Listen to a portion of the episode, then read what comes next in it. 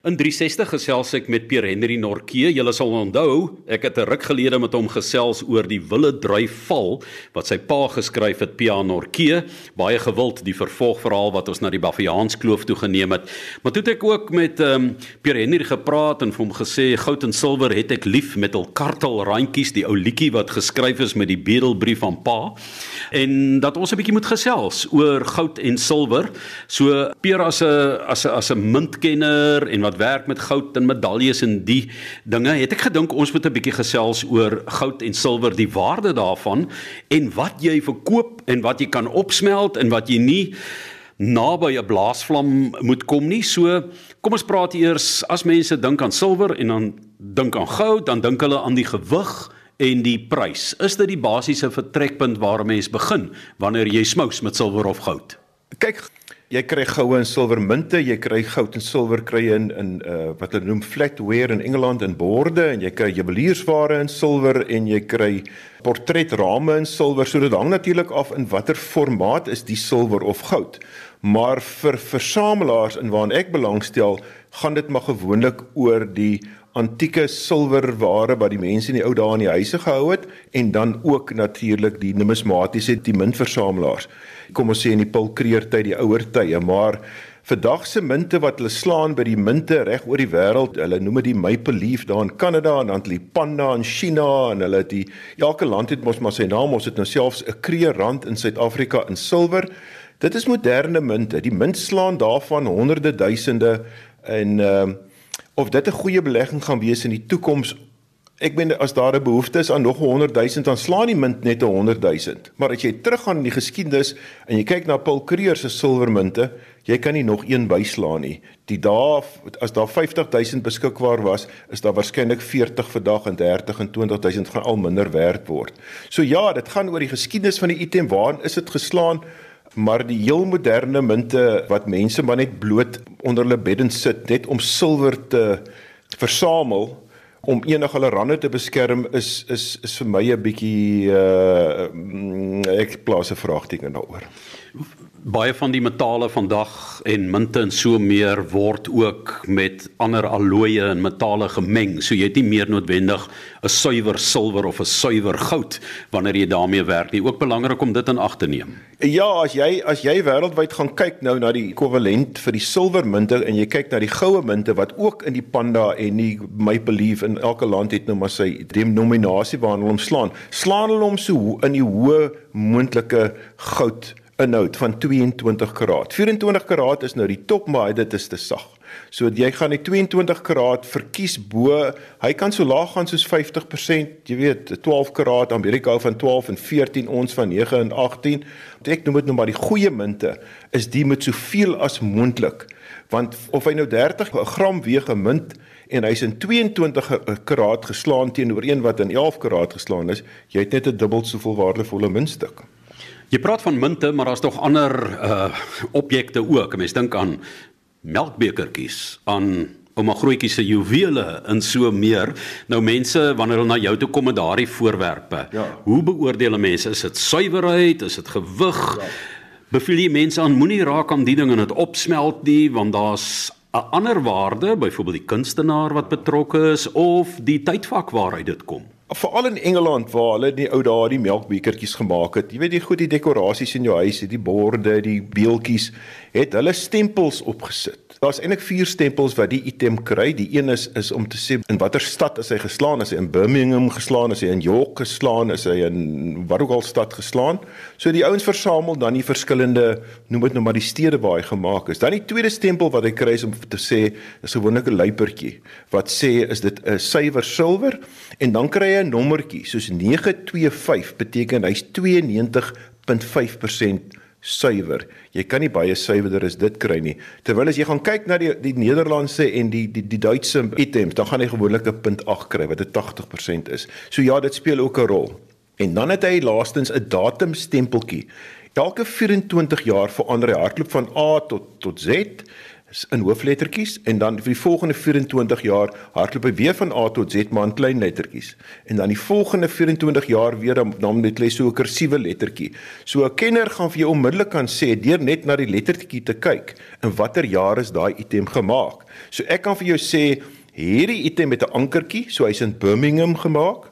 Hy het 'n luipertjie so ek weet dit is silwer en dan het hy 925 dan weet ek dis 'n baie hoë gehalte en dan het hy lettertjie A. Ek weet nou A is 1900 die jaar 1900 want dit is nou in die Boereoorlog wat ek baie belangstel.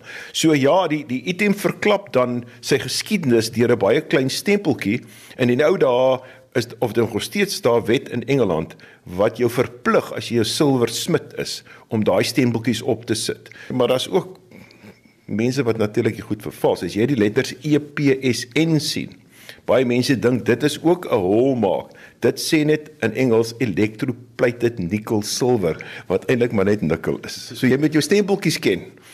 Nou van stempeltjies gepraat. Jy het nou so verwys na Engeland en ek kyk baie graag die antieke markte wat hulle verkoop en hoe verbaas hulle is oor wat dit werd is. In Suid-Afrika word baie gepraat van Kaapse silwer, maar om dit uit te ken is problematies want jy het nou vir daardie vier stempels wat jy kan uitken oor see hoor gepraat, maar wat doen jy hier en wat is die probleem? Daar's 'n baie bekende skrywer in Suid-Afrika wat baie navorsing gedoen het oor die Kaapse silwer en hulle kon opspoor Die stempeltjie wat die ou gewoonlik opgesit het was sy voorletters. Ek weet daar was 'n money penny en daar was 'n kom ons sê van Wyk en 'n Lou. So jy kon dadelik sien wie die maker is, maar hulle het nie byvoorbeeld die datum stempeltjies opgesit nie. Maar 'n kenner van Kaapse silwer sal vir jou baie baie vinnig kan vertel of dit 'n regte Kaapse stuk is en of dit maar net iemand is wat in sy pa se garage met 'n stempeltjie paar voorlettertjies van instempel het daar. So uh, jy gaan nie sommer iemand om die bos lê met Kaapse silwer nie wanneer jy daardie silwer op 'n skaal plaas hmm. en jy sien dis Kaapse silwer hmm. of dit is nou net vandag gemaak is daar 'n baie groot verskil in die prys Kaapse silwer is baie gewild ek weet nie of jy weet van die ehm um, in die seelversameler het hulle die Kaapse driehoek seels gehad En die Kaapse driehoek seels word wêreldwyd versamel. Die Kaapse silwer word ook baie hoog aangeslaan. Hulle noem dit koloniale silwer. Jy sal ook in Amerika sien dat koloniale silwer is 'n baie gewilde versamelstuk. So definitief as jy as jy 'n Kaapse silwer lepel gaan smelt omdat sy silwerwaarde R20 is, gaan ek in die see spring. Ek bedoel daai ding gaan vir jou honderde rande in die sak bring, maar jy moet natuurlik weet waarna om te kyk. Jy weet jy sal met iemand moet praat en jy sal miskien foto's moet neem en dit vir 'n kenner moet stuur. Ehm um, soos ek sê daar is 'n boek geskryf deur iemand waar jy kan gaan en die stempeltjies identifiseer. So Kaapse silwer baie baie gewild in Suid-Afrika. Natuurlik die ouer silwer uit die 17 1600s, selfs die 1500s.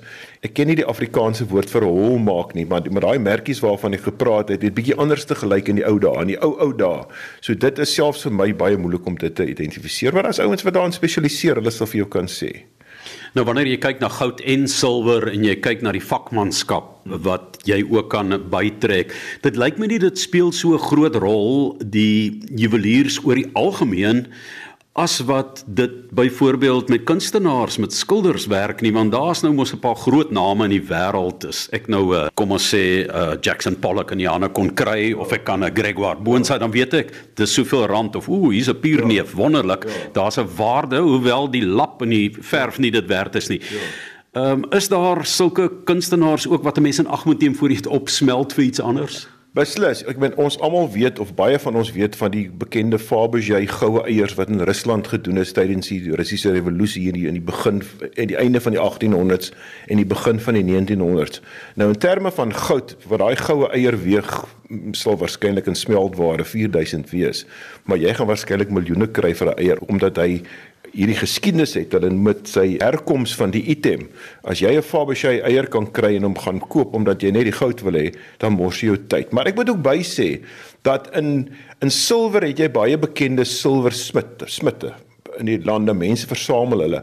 Maar goud is 'n baie duur metaal. Baie min mense gaan 'n goue bord maak wat jy in jou kas gaan sit of 'n goue beeltjie gaan maak wat jy bo jou kaggel gaan sit. So goud is nie so algemeen beskikbaar in daai tipe van kunswerke as wat jy gaan kry in silwer nie. Ehm um, ek ek kan miskien net vir jou vinnig iets anders te vertel van goud en silwer. Toe ons van die goudstandaard afgestap het. Met ander woorde die die die regering het op tot op 'n stadium die goudprys gewaarborg. Maar in 1932 het Amerika besluit hulle gaan die goudstandaard los. Goud kan vry vloei. Die mense moet betaal wat dit werd is, jy weet. En van daai dag af het die het die wat is 'n ratio, die verhouding tussen goud en silwer het al wyer en wyer geraak. Goud het duurder geraak en die ratio met silwer het al goedkoper geraak. Daai jare was dit 1 tot 16. Met ander woorde, een goue ons was kom ons sê 16 goue silwer items eh, eh, munte werk wat ook al waar jy sou meet. Baie onlangs is daai ratio 1 tot 122. So iemand wat byvoorbeeld goud wil boons in sy kluis hou of in sy solder hou omdat hy bang is, jy weet vir die ekonomie of die rand wat gaan seer kry. As hy nou byvoorbeeld sê ek gaan 2.5 miljoen rand se goud koop môre want ek is bang dinge gaan gebeur in hierdie land kan hy vir hom 100 kreer rande gaan koop daarmee. Daai 100 kreer rande weeg 3 of 4 kg. As jy met 2.5 miljoen rand gaan silwer koop, gaan jy 300 400 kg se silwer moet koop. Nou kan jy jouself indink jy met 'n sak silwer hier oor die grens hardloop met 400 kg in jou sak. Jy kan dit nie doen nie. En dit is wat mense dink in lande soos soos in Rhodesia in die ou dae en selfs ons in Suid-Afrika wat hierdie edelmetale gebruik as 'n noem dit maar randbeskermer. Soos ek sê 3 kg kan 'n kind dra. 400 kg kan ek en jy beslis nie saam met ons hele familie optel nie. So dit is hoekom ek bietjie skepties is oor silwer vir die doeleindes van noem dit in moeilike tye, tye van oorlog, tye van vrees en angs. Dink ek nie persoonlik dat silwer 'n baie goeie alternatief is om jou om jou bates te beskerm nie terwyl natuurlik is goud iets anderste. Goud is wêreldwyd aanvaar. Jy nou kreer rand in Suid-Afrika het en of jy hom nou in Joegoslawië het, jy gaan jou prys vir hom kry. 'n Ander ding is in Suid-Afrika, jy weet die goud word gekoppel aan die dollar, niks anderste nie. So met ander woorde, as die rand val, dan kry jy nou meer vir jou goud. So die goudprys as die goudprys styg en jou rand daal, gaan jy baie goed doen. Die enigste ding wat kan sleg gaan is die rand begin styg en die goudprys daal, maar in ons land sien met behalwe baie onlangs het die rand ons nou 'n bietjie begin sterker raak. So, iets anderste wat ek baie interessant vandag gelees het, ek kon dit amper nie glo nie, is dat goud is net bloot skaars. As jy al die goud wat deur duisende jare, hulle het al in in die in die Keltiek tye in die in die in Griekeland in die in die Egiptiese tye het hulle goud ontgin. As jy van daai tyd vat, al die goud wat in Suid-Afrika, in China, Australië en jy vat al die goud en jy speel dit op wat vandag bo die grond is en jy maak 'n kubus blok daarmee. Gaan ek jou raai gee hoe groot dink jy is daai blok? Hy's 20 by 20 by 20 meter. Dis al die goud wat beskikbaar is. Hulle sê daai daai blok waarop die Statue of Liberty staan in Amerika is so groot soos al die goud in die wêreld saam. Terwyl as jy die silwer in die wêreld vat, dit is baie baie meer. So goud is net eenvoudig 'n skaars metaal. In die ou antieke tye in Egipte was dit baie moeilik geweest om silwer te ontgin. Hulle het nog nie die metodes gehad nie. So silwer was daai tyd duurder as goud. Maar deur die jare het die prosesse verander. Silwer word baie maklik ontgin. Dis ook 'n byproduk van goed so sink en lood en koper. So as jy daai goed ontgin dan kry jy basies die silwer verniet. So silwer ek persoonlik hulle noem hulle silwerbak. Ek is nie een nie. Maar silwer het laas jaar regtig goed gedoen. Dit was een van die beste bates wat jy kon kry. Ek dink hy het met 44% gegroei, maar dan groei hy ook maar net van 12 dollar na 20 dollar toe. So jy kan dink as as as die goud groei van 1400 dollar na 1800 dollar toe, dan praat ons van iets totaal anderste. Dis Pierre Henry Norke met wie ek gesels het. Hy is baie lief vir metale, goud kan ek hoor veral en dan natuurlik munte in alle forme, maar daar gaan daar um, ook weer die skaarsheidwaarde wat inkom, die toestand waarin jy dit bewaar het, die era waaruit dit kom, al hierdie dinge. Pierre as mense by hulle huise sit, hulle sit hulle wil 'n bietjie um, navraag doen of miskien vir jou 'n foto of wat stuur dit jy e-posadres waar jy kan kommunikeer met mense. Ja, hulle kan vir my stuur na Pierre peer@norke.info. peer@norke.info. Hulle kan vir my 'n paar foto's stuur van die silwer stempeltjies. Ek kan vir hulle daarna kyk. Ek kan nou nie iemand wat vir my 100 foto van munte stuur elkeen antwoord nie, maar ek kan basiese vrae sal ek wel hopelik vir mense kan beantwoord. Ek wil net mense waarsku om nie in die eerste beste uh, goud en silwer winkel in te stap en jou goud en silwer te gaan verkoop nie daar is ongelukkig maar mense wat jou ehm um, dat jy kan miskien beter op ander plekke doen. Ek gaan ek kan nou nie name noem nie, maar doen jou huiswerk, weet wat is die verskil tussen 22 karaat en 9 karaat en 18 karaat, weet wat is sterling silwer, weet wat is silwer van 50%. Ons het byvoorbeeld in Suid-Afrika het ons al ons munte gemaak in 80% silwer tot in 1950. En toe raak dit te duur, so ons het van 1951 as jy nou 'n tikkie of 'n sixpence kry, is hy net in 50% gemunt. So jy moet daai verskil wat jy verstaan as jy in hierdie goed begin handel dryf. Ek wil net iets vir jou sê wat ek vandag gelees het wat vir my nogal baie snaaks was. Dis maar net een paragraafie. Die mense het deur die jare die mensdom altyd maar waarde gekoppel aan edelmetale. Dit is nou maar so. Jy weet mense het hoog aangeslaan goud en silwer en later palladium en platinum. Maar in die ou dae, byvoorbeeld in Zululand, was daar 'n skipbrekeling van 'n Spaanse skip wat uitgespoel het op 'n Portugese skip hier in die laat 1500s. En toe is hy vriendelik ontvang daar deur die deur die Zulus. Hulle het hom vriendelik behandel. Hy kon later sy taal praat. Hy het natuurlik nog gewag dat 'n ander skip hom kom optel. En hy was so verbaas hoe hoog hulle koper aanslaan want hulle het nou die goud en silwer geken nie. En toe kom hy agter die die kaptein van die stam het reëls uitgevaardig as jy nou die wette oortree. Jy weet jy het nou bees gesteel of jy het, was ontrou in jou huwelik of jy het iemand doodgemaak of wat jy ook al gedoen het, dan het hy straf opgelê. Maar as jy koper sou steel, was daar geen straf nie want die koning het gesê geen mens kan koper weerstaan nie. so ja, die metaal het maar deur jare het, het hoë waarde vir mense ingehou en mense versamel dit en glo daarin en maar koper is natuurlik nou nie vandag so so skaars en waardevol nie. Ek persoonlik dink dan as iemand dit wil doen, hulle rand beskerm, hulle geld wil beskerm en hulle wil in edelmetale belê en nie in iets anderste nie, sal ek vir goud gaan.